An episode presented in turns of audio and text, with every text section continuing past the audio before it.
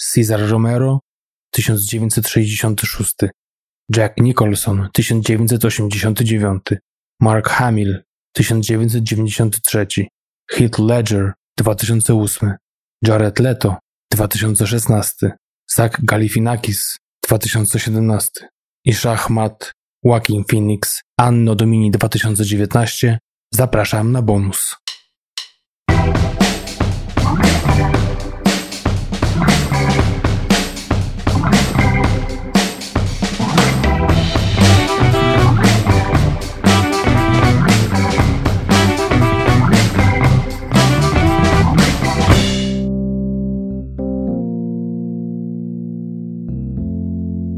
Witajcie kochani w niezapowiedzianym, ale myślę, że jednak dość oczywistym bonusie, jaki musiał się nam przytrafić jako podcastowi, który no, wyłapuje, przynajmniej stara się te perełeczki i z e, przeszłości, ale też takie, które powstają teraz na bieżąco, mają premiery i o których chcemy wypowiedzieć się, zostawić jakiś ślad, swoje zdanie. I tak było w przypadku 18 różnych produkcji, które określiliśmy nazwą bonus, który miał premierę niedawno, czy to w Stanach, czy w Polsce, i o którym zrobiliśmy odcinek specjalny. I takiego też nie mogło zabraknąć, jeśli chodzi o film Joker. Film, na którym byłem no dosłownie dwa dni temu, już tutaj w moim nowym miejscu zamieszkania, jakim jest Rotterdam. Zobaczymy, czy na stałe na razie tak to się u mnie ułożyło, ale o tym już mówiłem. Z racji tego też, że mijający weekend to premiera zarówno w Polsce, jak i w Stanach Zjednoczonych i ogólnie światowa. Mniej więcej w tym samym okresie wszędzie y, miał premierę ten film. To też y, pokrywa się ona z jakby taką, można powiedzieć, tą naszą typową ramówką, czyli jednym z działów, którymi są premiery. A z racji tego, że y, nie za ciekawie znowu się dzieje w kinach, zresztą cały ten rok jest dość przeciętny, jeśli chodzi o dobre produkcje. Ja sam byłem w tym roku w kinie, no dosłownie trzy razy, w tym raz na animacji z moją córką, pierwszy raz wyjście do kina. No, oprócz tego film Tarantino pewnego razu w Hollywood no i teraz jestem trzeci raz. Zobaczymy, jak to będzie pod koniec roku, ale pewnie nie będzie tego dużo, a na pewno mniej niż w poprzednich latach i ogólnie w mojej całej karierze kinomana, gdzie no staram się dość często chodzić do kina, a ten rok jest dość słabiutki. Zapewne pod względem finansowym nie było najgorzej, bo filmy zarabiały. Były takie przeboje jak Avengersi i kilka generalnie filmów ze świata Marvela czy też DC, co ciekawe i ten dzisiejszy oczywiście jest też e, z tego uniwersum, ale w zupełnie innym stylu, także o tym zaraz się przekonacie. Jeśli jeszcze nie byliście w kinie oczywiście, ale tak to słabo było i nie zapowiada się, żeby było dużo lepiej w najbliższych dwóch miesiącach, dwóch i pół, chociaż to jest ten okres, kiedy pojawiają się produkcje mm, zapowiadane jako główni faworyci do Oscarów, ale to, jak wiemy z historii, przeważnie mm, pojawiają się one w Stanach Zjednoczonych, a u nas dopiero trafiają albo już po ceremonii, albo na początku roku przyszłego. I tak też, jak sięgam pamięcią dobrze, to wiele ciekawych produkcji jest zapowiedzianych właśnie na ten 2020 rok. No i tyle. Myślę, że nie będę za dużo tutaj kombinował. Nie chcę też mi się żadnego housekeepingu robić. Jest to taki dość, no może nie do końca spontaniczny odcinek nagrany, ale jednak mocno taki intensywny, po intensywnym seansie, więc mam dużo przemyśleń i też mały research zrobiony, więc chcę się skupić właśnie na Jokerze. Jak słyszeliście na początku w intrze, wymieniłem wszystkich aktorów, którzy do tej pory wcielali się w Jokera, czyli jednego z głównych jak nie największego wroga, przeciwnika Batmana w jego karierze w Gotham City. Joker to oczywiście nie żaden superbohater, nie żaden Iron Man czy inny Thor. Jest to po prostu maniak, psychiczny, którego historię, origin story, czyli historia powstania postaci, historia ukształtowania się osobowości i samego kultu jest właśnie przedstawiona w tym filmie. Tak jak mówię, jest to zupełnie inne podejście niż ogólnie ma się to w tych światach superbohaterów. Chociaż jak wiadomo, DC jest dużo bardziej mroczniejszy Marvel, więc myślę, że prędzej właśnie spodziewamy się takiego filmu z tej strony niż właśnie ze strony Ironmana i jego przyjaciół, chociaż Todd Phillips zapytany, czy jeśli miałby zrobić takie origin story jakiegoś bohatera, taki mroczny origin story jakiegoś bohatera właśnie z, no można powiedzieć, przeciwnego obozu superbohaterów, to wymienił właśnie Ironmana, ale to nie ze względu na samą postać, z którą za bardzo nie jest zapoznany, ale samą jakość aktora, czyli Roberta Downey Jr., który jest jego jednym z ulubionych aktorów. No ale to znając raczej Marvel, oni idą coraz bardziej w groteskę, w pastisz, w komedię, po prostu jedną wielką bekę. Zresztą Darek podobnie. Mamy mocno dużo obiekcji. Jeśli chodzi o oba te uniwersa, nie jest to nasze cup of tea, jak to się mówi też po angielsku. Nie jest to nasz ogródek, z którego czerpiemy warzywka. Chociaż trafiają się, wiadomo, jakieś perełeczki, jak na przykład nasz ulubiony Deadpool, ale to też jest y, zupełnie inna jazda od całego tego świata. A kilka słów właśnie może o tych premierach, które w poprzednim tygodniu pojawiły się w polskich kinach, ale też za dużo o nich nie będę mówił, tylko wspomnę o filmach, które również pojawiły się w kinach w ten miniony weekend, czyli dokładnie 4 października 2019 roku. I tak mamy film Był sobie pies 2, który już na świecie zarobił 71 milionów dolarów ponad.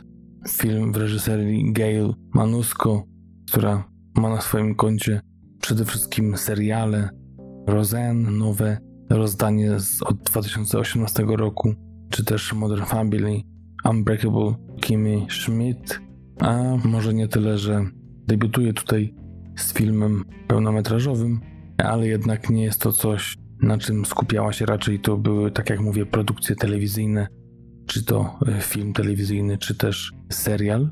I ta pani właśnie wyreżyserowała film o piesku Bailey, czyli nasz ukochany czworonóg, dostaje od swojego ukochanego Etana nowy cel. Ma opiekować się jego wnuczką CJ. Z biegiem czasu dziewczynka dorasta i wyzwania dla psa stają się coraz większe. Tutaj akurat oceny, jeśli chodzi o różne serwisy internetowe, są dość przychylne temu filmowi, bo na Filmwebie to jest 7,8, dość niezły wynik, choć niewiele głosów, bo ponad 1000 to na IMDb jest to 7,4, również niezły wynik dla tej komedii przygodowej, familijnej przy 9 około 1000 głosów. W rolach głównych Josh Gad, Dennis Quaid czy też Catherine Prescott w produkcji, która miała swoją pierwszą część w 2017 roku i była też mocnym, dużym przebojem tamtego roku właśnie w tej kategorii można powiedzieć rodzinnej, młodzieżowej, jak zwał, tak zwał, w każdym razie takim filmem, na który wybierają się całe rodziny. Tamten film również sporo zarobił, miał również całkiem niezłe oceny 7.1 i aż 205 milionów dolarów zarobionych przy budżecie 22 milionów. Tutaj przy okazji filmu dzisiejszego budżet nie jest do końca znany. Jest to na pewno pozycja dla całej rodziny, milutka, spokojna, na zupełnie odległym biegunie, jeśli chodzi o naszego głównego bohatera dzisiaj, czyli Jokera. Także jeśli nie interesują Was takie mocne pozycje psychologiczne, pokręcone, brutalne i krwawe, to zapraszamy na Był sobie Pies 2. To jest produkcja oczywiście amerykańska, która miała swoją premierę światową 3 maja tego roku i czas trwania to godzina i 48 minut. Jeśli miałbym jeszcze dodać jeden tytuł, który pojawił się w tym tygodniu, to jest też polski tytuł Czarny Mercedes, który ma dość przychylną ocenę 6,8 na naszym krajowym portalu Filmweb. Jest to film Janusza Majewskiego, który ma już 88 lat.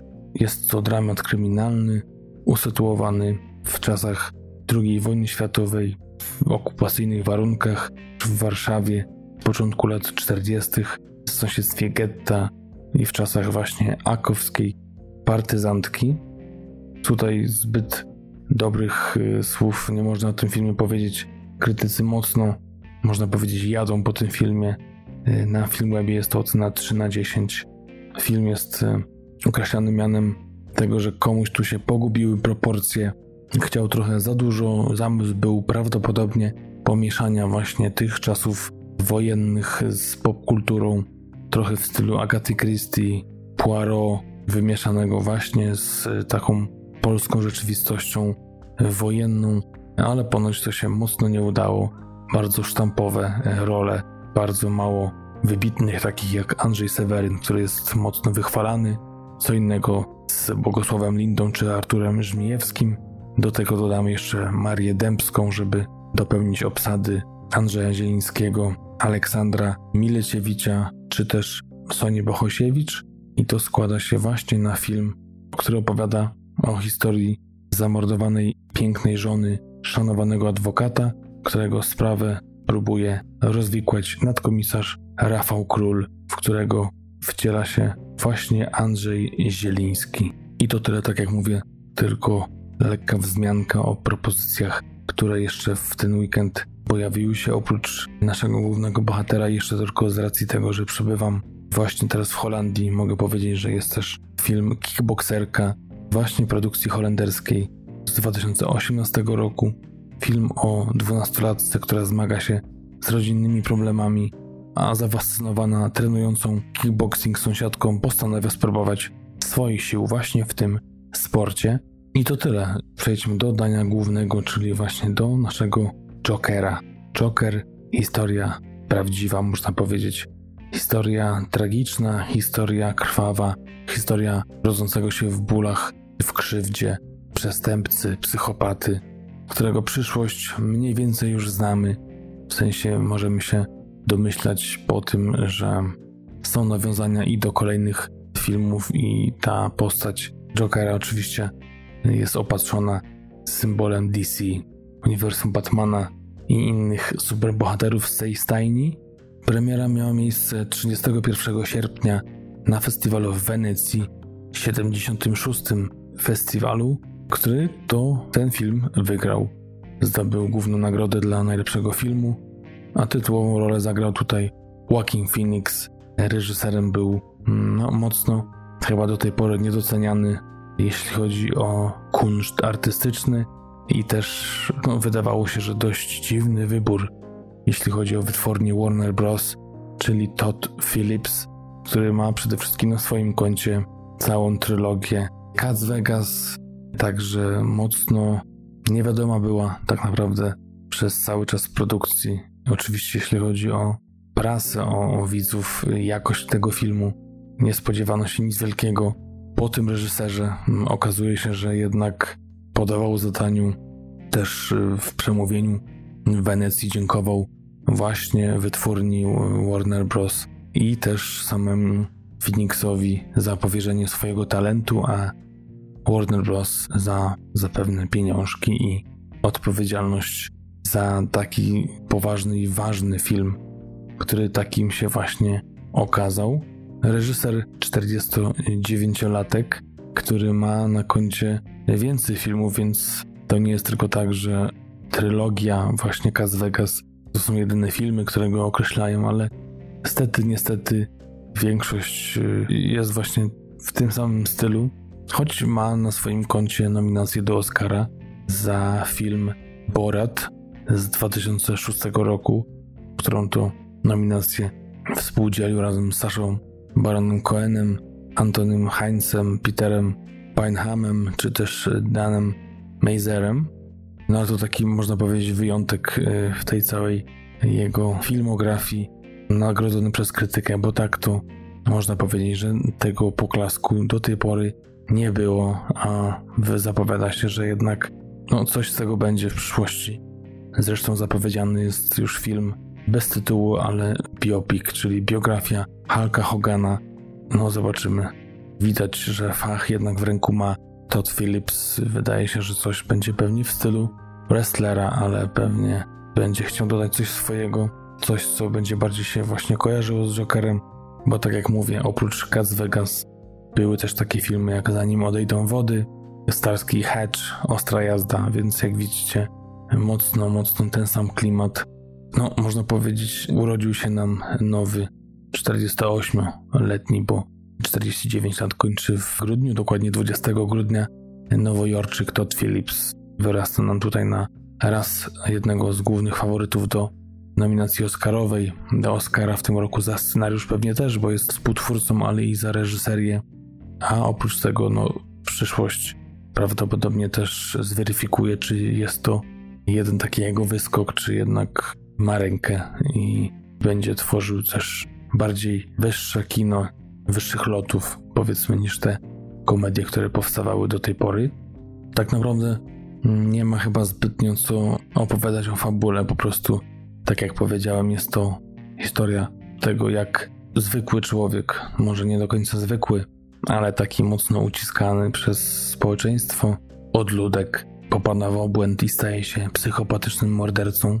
Człowiek, który no, próbując tak naprawdę zupełnie czego innego, odmienne są jego zamiary e, dla świata, bo chce rozśmieszać, chce dawać uśmiech, radość ludziom, ale ta kariera klauna, przeplatana też z początkami kariery stand-upera, nie udaje mu się i przez tak naprawdę społeczeństwo, które kształtuje go w jakiś sposób i też ta jego na pewno delikatna dusza, wrażliwość, która zostaje naruszona właśnie przez świat, który znamy z Batmana, czyli miasto Gotham City, e, mocno pogrążone w odmętach wszechobecnej właśnie przemocy, korupcji i porachunków mafijnych, takiej zgnilizny społecznej, upadłego społeczeństwa. Ten świat niesamowicie jest ukazany właśnie w takich szerokich kadrach, widząc filmie Jokera, który właśnie przechadza się, czy też biegnie, bo też jest dużo scen, w których Joker biega. Y, widać, jak to miasto przytłacza naszego bohatera i też jest gdzieś tam pewnie zaczątkiem tego jego y, rozłamu psychicznego i załamania ostatecznego. Oprócz y, samego Joaquina Phoenixa, który oczywiście jest aktorem, no, oczywiście, oczywiście dla mnie, oczywiście dla Darka, więc dla całej redakcji TMF-u, aktorem wybitnym, który ma na swoim koncie, moim zdaniem tylko, ale jednak trzy nominacje do Oscara za film Gladiator z roku 2000, za Walk the Line, Spacer po linii z roku 2005 oraz za film Mistrz z 2012, moim zdaniem jeden z lepszych w jego karierze. No, ale oprócz tego ma też pięć nominacji do Złotego Globa, w tym za Spacer po linie w 2006 roku i też trzy nominacje do Nagrody BAFTY. 45-letni aktor i tutaj oczywiście znowu wyprzedziłem fakty. Jeśli wszystko dobrze pójdzie, to 28 października Joaquin będzie obchodził właśnie swoje 45 urodziny. Urodzony w Puerto Rico, w San Juan. No, ma talent niesamowity. Można powiedzieć, że gdzieś krąży wokół takiego właśnie aktora z niesamowitym talentem, nie z racji tego, że potrafi się tak przygotować psychicznie, tą metodą wejścia w rolę. Joaquin Phoenix jest dla mnie przykładem aktora właśnie super utalentowanego, który no tutaj właśnie można by się kłócić, y, jak tak naprawdę oceniać te talenty aktorskie. Już kiedyś zacząłem taką rozmowę na ten temat, może kiedyś wrócimy do tego z Darkiem, bo myślę, że to jest bardzo ciekawa, może być bardzo ciekawa dyskusja, bo ja mam taką teorię, że jeśli aktor właśnie zapada się psychicznie, psychologicznie w taką rolę, z której potem ciężko mu wyjść, to jest to jakiś talent zupełnie inny niż aktorski. To jest coś mającego korzenie w jego kształtowaniu wrażliwym jako osoby mocno empatycznej. I taki aktor, który właśnie zatapia się w postać, grając szaleńca z na przykład szpitalu psychiatrycznego, przebywając w takim szpitalu, czy jako taksówkarz jeżdżąc na taksówce przez jakiś czas i, i próbując wczuć się w tą rolę, gdzieś tam właśnie tracąc się tak naprawdę i popadając czasami nawet były takie przypadki, przecież jakąś chorobę psychiczną, to to jest moim zdaniem trochę co innego niż talent. Tutaj właśnie jest to, co ja nazywam talentem. Mówię tutaj oczywiście o Phoenixie, czyli ten sposób wejścia w rolę i dokładnie zaraz wyjścia.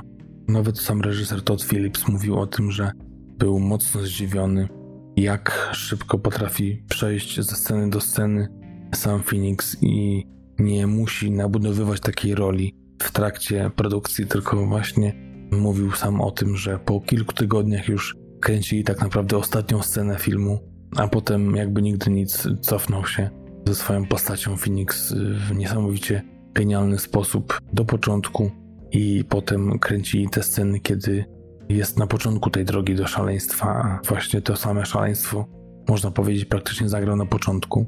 Zresztą w jednym z wywiadów sam Phoenix mówi, że po kilku tygodniach, chyba sześciu z tego co pamiętam, właśnie kręcenia tych scen, kiedy był Arturem Fleckiem, tym właśnie komikiem, klaunem, po czasie właśnie kręcenia tych scen, potem weszli w fazę tego już Jokera z wymalowaną twarzą, po transformacji, o której nie będę oczywiście nic zdradzał, kiedy, jak i co, bo to są takie smaczki, które po prostu, no nie można ich zdradzać, tak, bo zepsuje się całą zabawę, ale właśnie jak zaczęli wchodzić już w tą fazę bycia Jokerem przez Artura Flecka i spojrzeli na te pierwsze sceny, które nagrali, to się okazało, że w zupełnie złym kierunku szli. I okazało się, że musieli zacząć od nowa.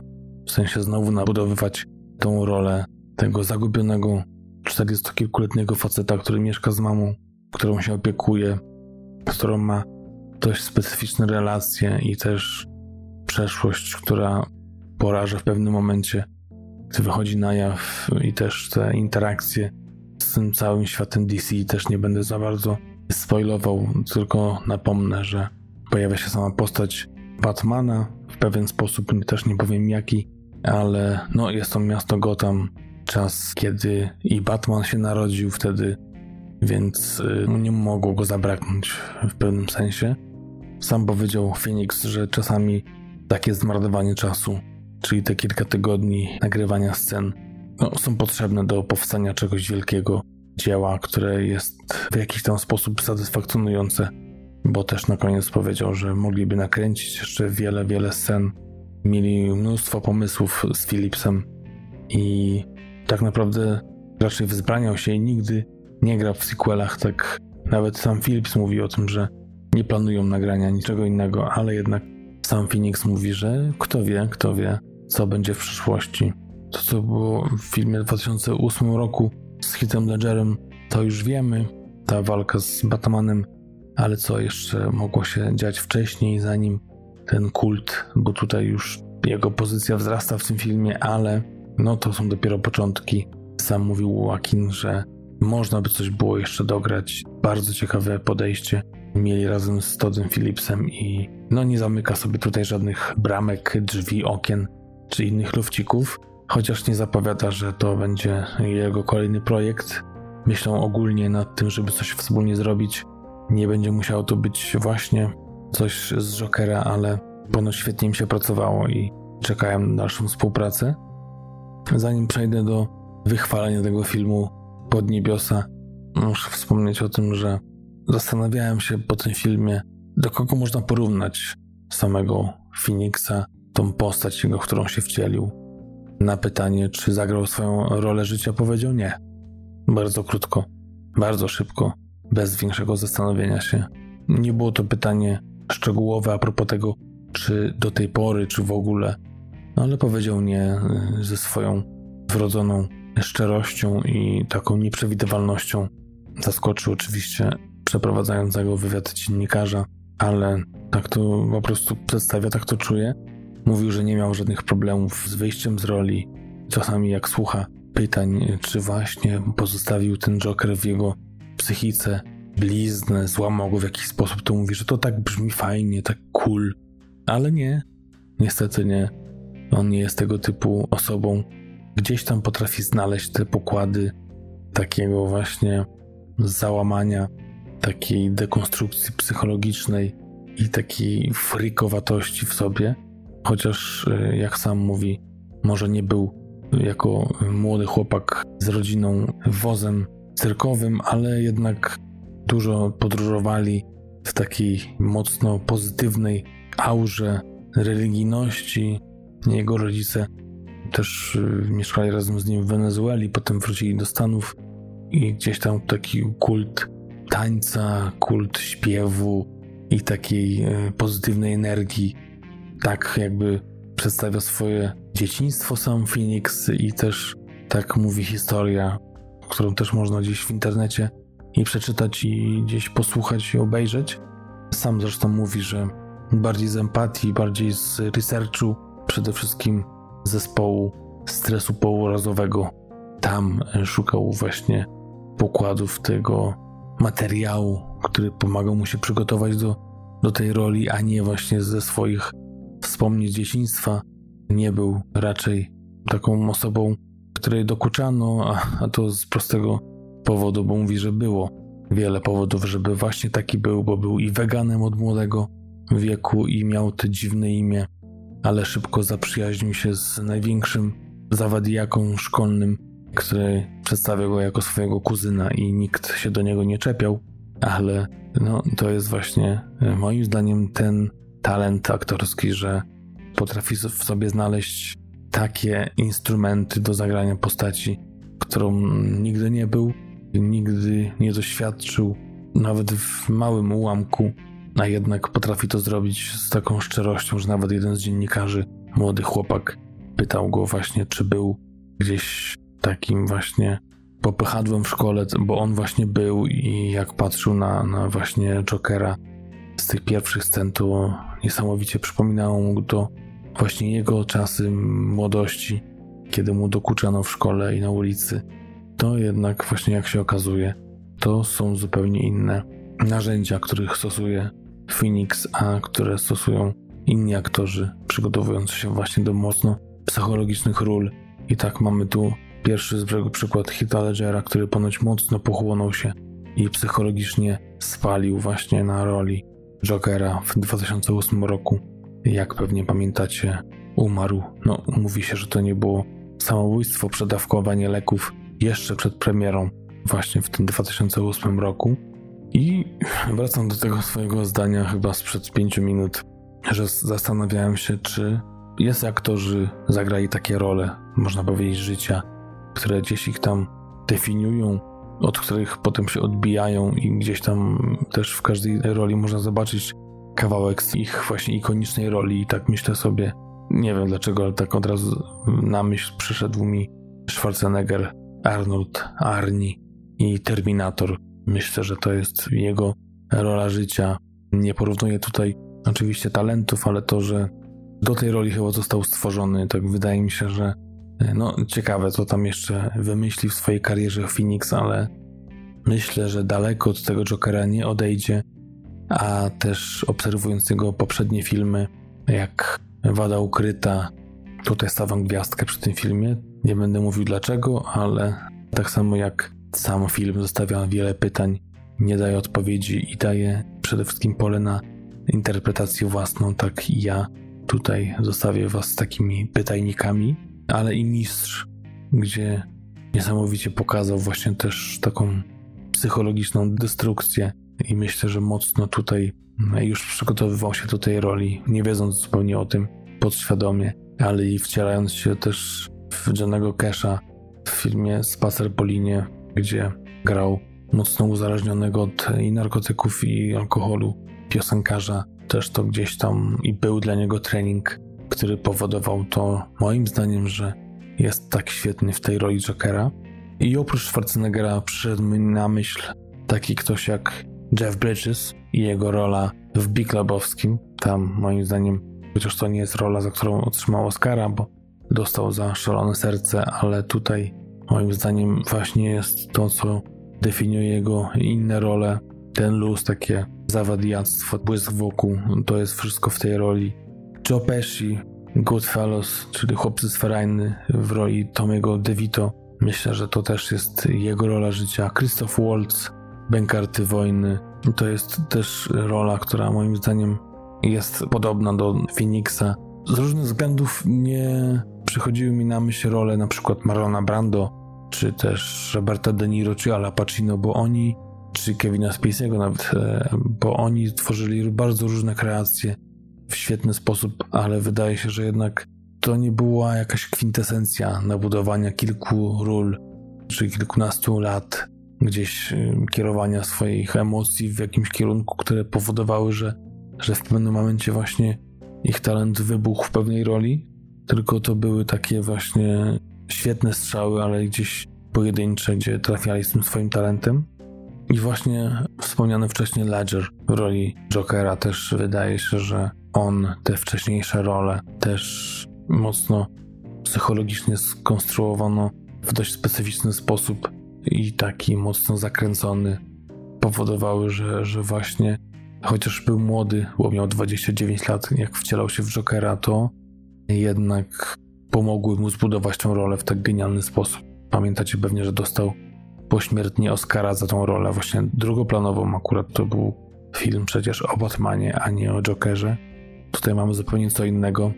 Choć też się zastanawiałem, czy właśnie trochę lekko powierzchownie i bez takiego właśnie ukazania historii te role poprzednich Jokerów, a przede wszystkim Jacka Nicholsona i przecież też genialnego aktora i właśnie Heath Ledgera, gdyby oni mogli opowiedzieć swoją wersję, czy w swój sposób tą wersję powstania tej postaci, czy też nie byłaby w jakiś sposób fascynująca, pewnie w zupełnie inny, ale wydaje się, że jak mieli szansę, to też byłyby to godne podziwu filmy, chociaż takie nigdy nie powstaną. No i mamy Phoenixa, który gdzieś jest kwintesencją tego. I tak wydaje mi się teraz z perspektywy czasu, jak zapowiedziano, że właśnie on wcieli się w tą rolę, że żaden inny aktor tak naprawdę nie przychodzi mi na myśl, który mógłby go zamienić, zastąpić w tym miejscu. Joaquin Phoenix jest w tych czasach jedynym w swoim rodzaju. Zresztą nawet widać po wywiadach z różnymi dziennikarzami, no może nie akurat z Jimmy Kimmelem, bo no, polecam wam przyjrzeć się jednemu właśnie z takich kilkuminutowych fragmentów niedawnego wywiadu z Jimem Kimmelem, kiedy po prostu no, w żenujący sposób przeprowadził wywiad z, właśnie z Phoenixem, który notabene bardzo nie lubi takich wywiadów w talk showach, bardzo rzadko przyjmuje te propozycje i też tym razem tak było, ale to co zrobił Kimmel zadając mu pytanie, tak jak nawet bardzo celnie ktoś w komentarzach napisał, że nie zaprasza się takiego aktora tego formatu co Phoenix i nie zadaje mu się pytań, na które odpowiedziałaby Hannah Montana, tylko gdzieś próbuje się ten research zrobić lepszy i nie prowadzi się tego wywiadu na takiego śmieszka, że każdy tekst musi być e, właśnie żartem, bo to nie jest Phoenix, to nie jest sposób, w jaki z nim powinno się rozmawiać. I zupełnie inne podejście miał już sam Jimmy Fallon, zupełnie na kontrze. Wydaje się, że tam czuł się w miarę komfortowo Phoenix, bo też Fallon ma swoje odpały i tutaj myślę, że bardziej się zgrywali razem, ale właśnie oprócz tego, że dziennikarze tacy mocno y, zafascynowani filmem i samym Phoenixem no, w tych wywiadach, które oglądałem po premierze Jokera, no mocno tacy przerażeni i też nie wiedzący jak się zachować, jakie pytanie zadać, jak tutaj nie popaść w jakąś tandetę, zestresowani to nawet, e, jak się okazuje, bo też warto o tym powiedzieć, że bardzo dużo schudł sam Phoenix do roli, bo też robiąc research, mocno skupił się na efektach ubocznych leków, które właśnie Arthur Fleck, czyli postać, w którą się wcielał, przyjmował. I mm, jednym właśnie z efektów ubocznych było wahanie wagi. Sam Phoenix się śmiał, że ta waga mogła się właśnie wahać i w górę, i w dół, a z racji, że był przy kości, to a jest leniwy, to chciał zostać właśnie przy tej grubej wersji Jokera, no ale oczywiście ten pomysł e, szybko wybito mu z głowy i musiał schudnąć. I właśnie tu jest ta ciekawostka, bo do tego cały czas dążę, że nawet e, reżyser nie wiedział w jaki sposób przebiegała ta jego, można powiedzieć, kuracja, odkudzająca dieta. Myślę, że po prostu wstawał rano i jadł jabłko, a to też tak nie było, bo mówił Phoenix, że no, mocno to było opracowywane z lekarzem, który dawał mu różne suplementy diety, witaminy, minerały, żeby właśnie w czasie tej diety zachował zdrowie i jak najmniej, żeby to miało wpływ na, na jego życie. Chociaż sam mówił, że mocno to przeżył te, te straty kilogramów. I tak jest bardzo oddalony, jeśli chodzi o życie nocne Hollywood. To tutaj tym bardziej nie wychodził ze znajomymi, bo wiadomo, że każde wyjście wiązało się i z piciem, i z jedzeniem, więc nie chciał tego e, mocno. Był aspołeczny, jeszcze bardziej niż przeciętnie. Jakby się wydawało, że bardziej się nie da, ale jednak i to pomagało mu ten głód przezwyciężyć i w tej roli wytrwać, chociaż sam mówił, że ten głód czuł cały czas i to też gdzieś tam miało wpływ na jego rolę podprogowo. Głodek, który utrzymywał go w jakimś tam stopniu napięcia y, i to też y, wpłynęło, jak sam powiedział, na, na jego rolę, na jego ekspresję i zachowanie. To tyle na temat samego aktora. Teraz oczywiście sam film. Film, który jest niesamowicie wychwalany, jeśli chodzi o widownię. Na portalu imdb.com ten film ma ocenę 9.0 w tej chwili, co równa się z tym, że jest na ten moment na dziewiątym miejscu, jeśli chodzi o oceny wszechczasów, już ponad 100 tysięcy głosów.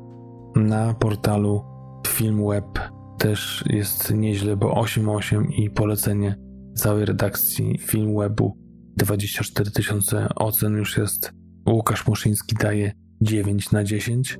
Na Rotten Tomatoes już nie jest tak pięknie, bo to jest 90% przychylności widowni, ale tylko jakby się wydawało przy takim wychwaleniu i takich nagrodach, jakie zdobył film, 69% pozytywnych opinii, aż od 427 recenzentów, więc no sporo osób się już wypowiedziało profesjonalnych na ten temat i te oceny są no mocno przeciętne, jeśli chodzi o to.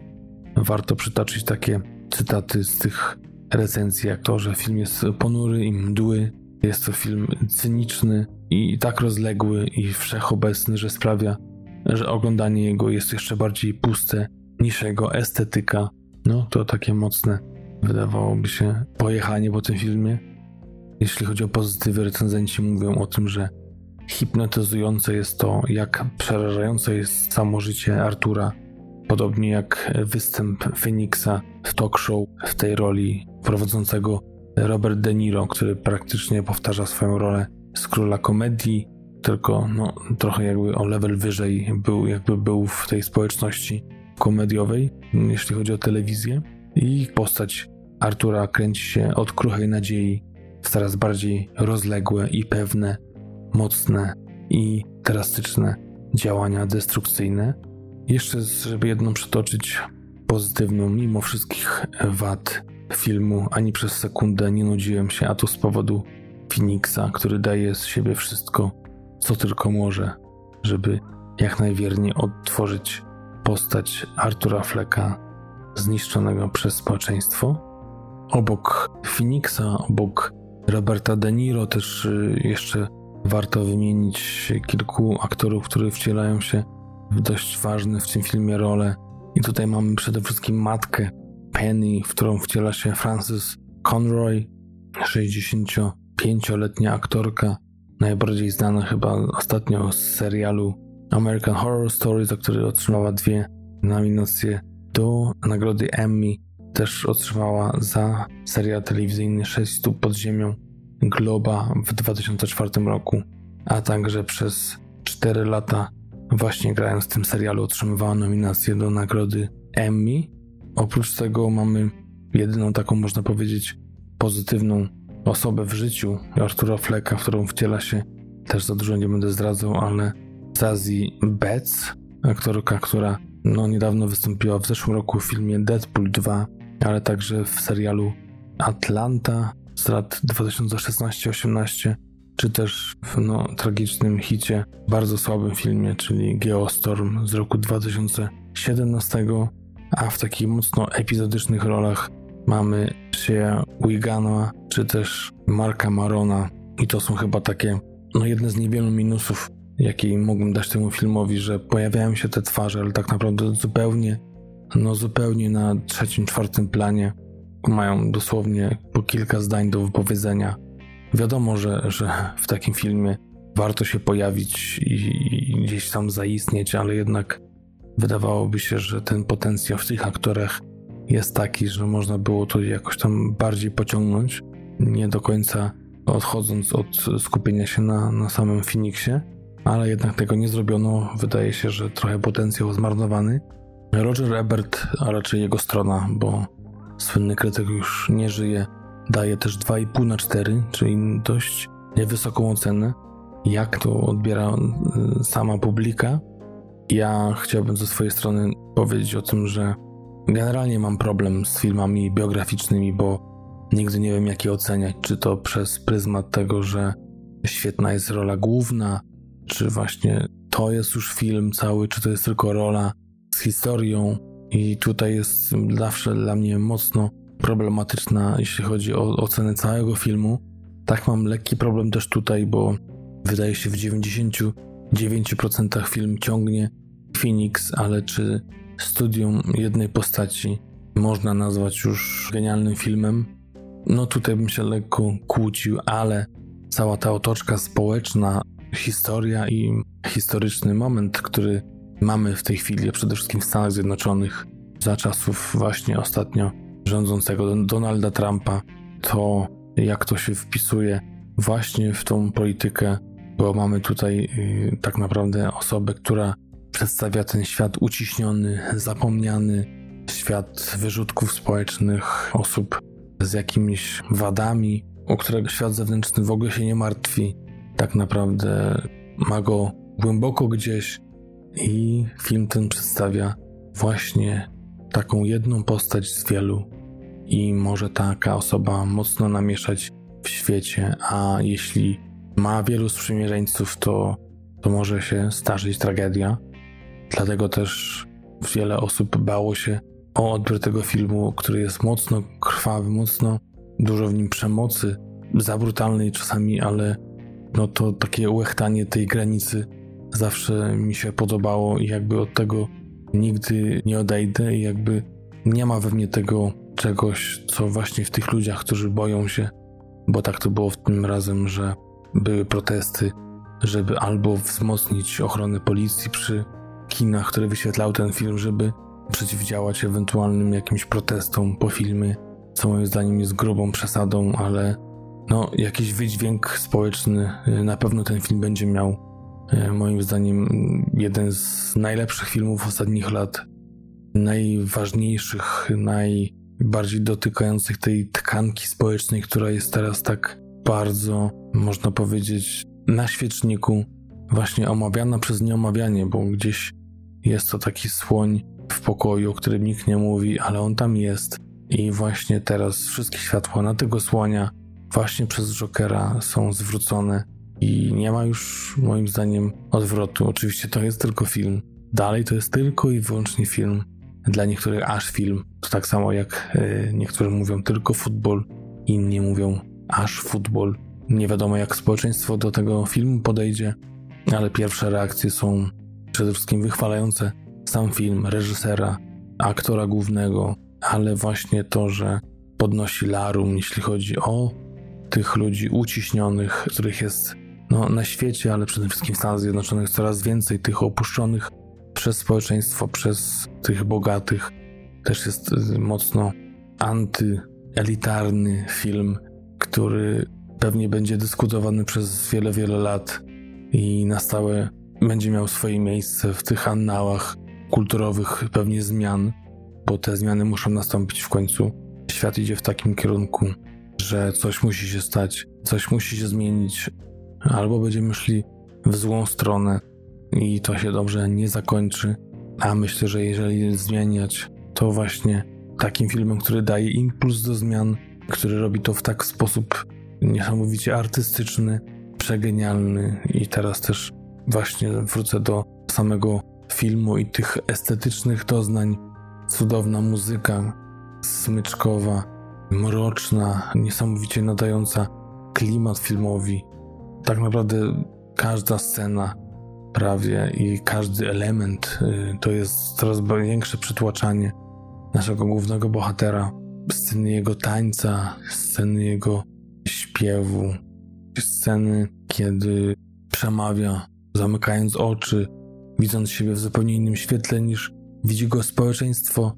Tak naprawdę też iluzja wyobrażenia, to właśnie wracając też do tego researchu i tego, na czym opierał swoją rolę Joaquin Phoenix, tego, że mocno opierał tą rolę o takie właśnie efekty uboczne leków, więc tak naprawdę to, co dzieje się naprawdę, mocno mieszało się z tym, co było tylko w jego psychice. Sam w ogóle Phoenix to też ciekawa obserwacja i w ogóle wniosek z jego strony, że on sam do końca nie wie tak naprawdę, które z tych scen były prawdziwe, które były tylko wytworem jego wyobraźni.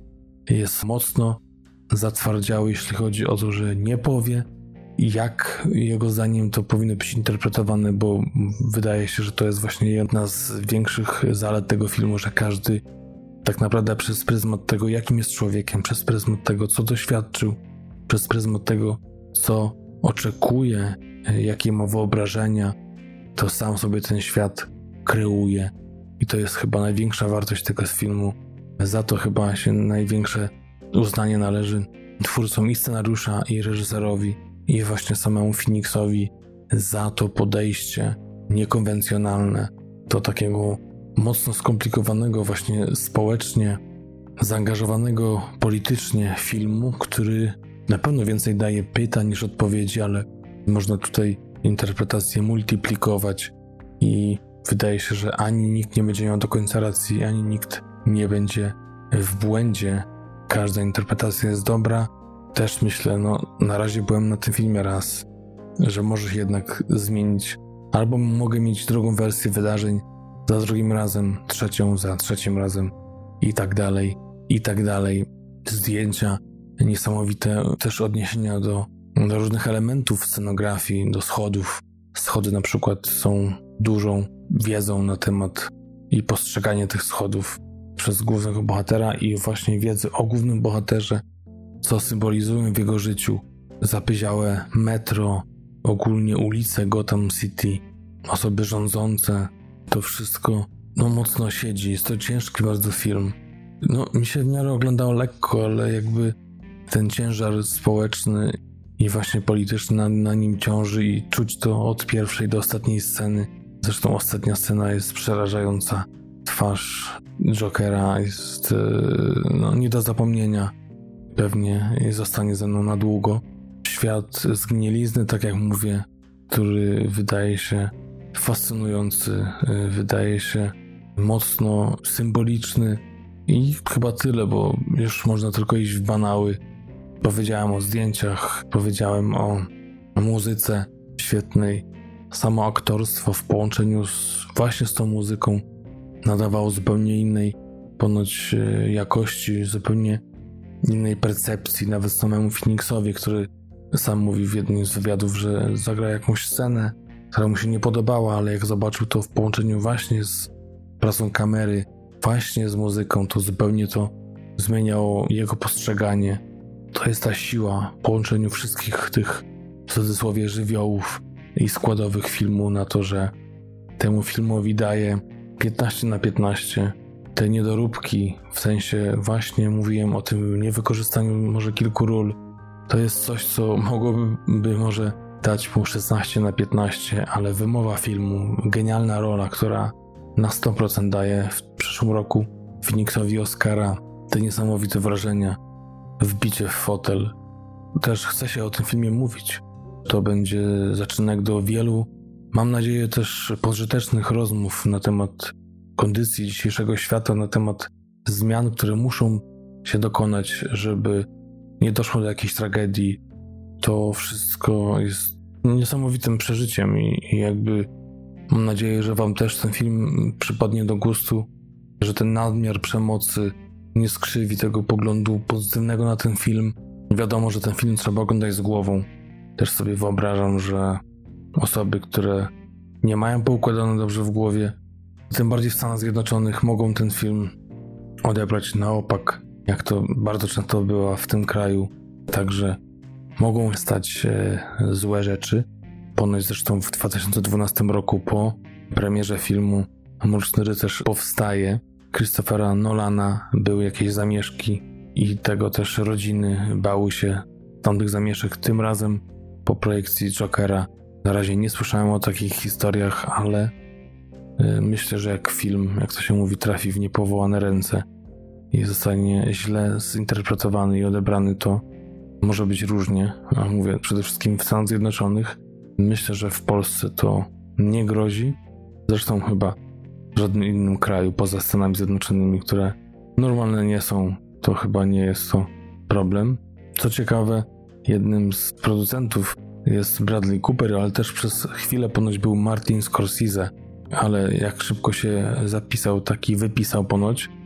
Za muzykę odpowiada Hidur Gunadotir, twórczyni, która ma na koncie na przykład kontynuację filmu Sicario, Ostatni Przebój, jeśli chodzi o serial, czyli Czarnobyl, o którym sam opowiadałem wam w jednym z właśnie bonusów z tego roku. 37-letnia kompozytorka islandzka oczywiście, jak to mówi jej nazwisko, która mocno namieszała już w tym świecie.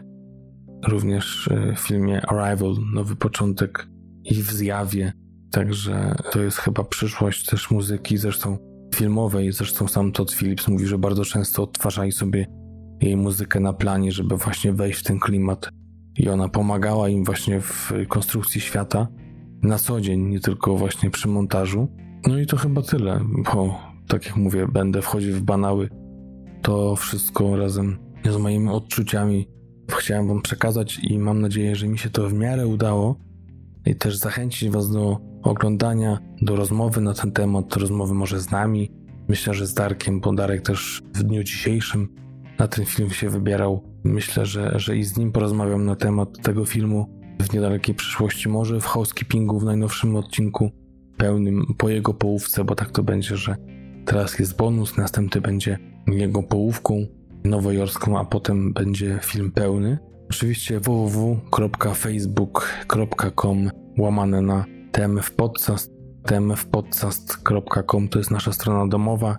Zapraszam do poprzednich odcinków, zapraszam do kolejnych, do zgadzania się z nami, do niezgadzania, do wchodzenia w dyskurs też na Instagramie czy na Twitterze.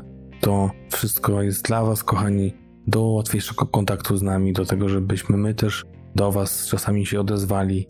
I dziękuję za dzisiejszy spędzony wieczór, poranek, popołudnie, w zależności od tego, kiedy słuchacie tego odcinka bonusowego numer 19 o filmie Joker Toda Phillipsa, trwający 122 minuty który już po pierwszym weekendzie zarobił prawie 250 milionów dolarów przy budżecie oscylującym w okolicach 55 do 70 milionów. Praktycznie zupełnie inne podejście niż przeciętny film DC. Prawie zero y, efektów specjalnych i CGI. Tak naprawdę tylko szpital, słynny szpital jest y, jako CGI, a resztę wszystko to jest praca kamery filmu, który o tym też nie powiedziałem Zresztą ciężko mówić o tym, gdzie, w jakich czasach usytuowany jest film, jeśli to jest miasto fikcyjne, ale to jest ponoć 1981 rok. Także zapraszam do kin i potem do rozmów na temat tego filmu we własnym gronie, ale też i z nami. Dziękuję jeszcze raz za dzisiaj. Do usłyszenia. Cześć.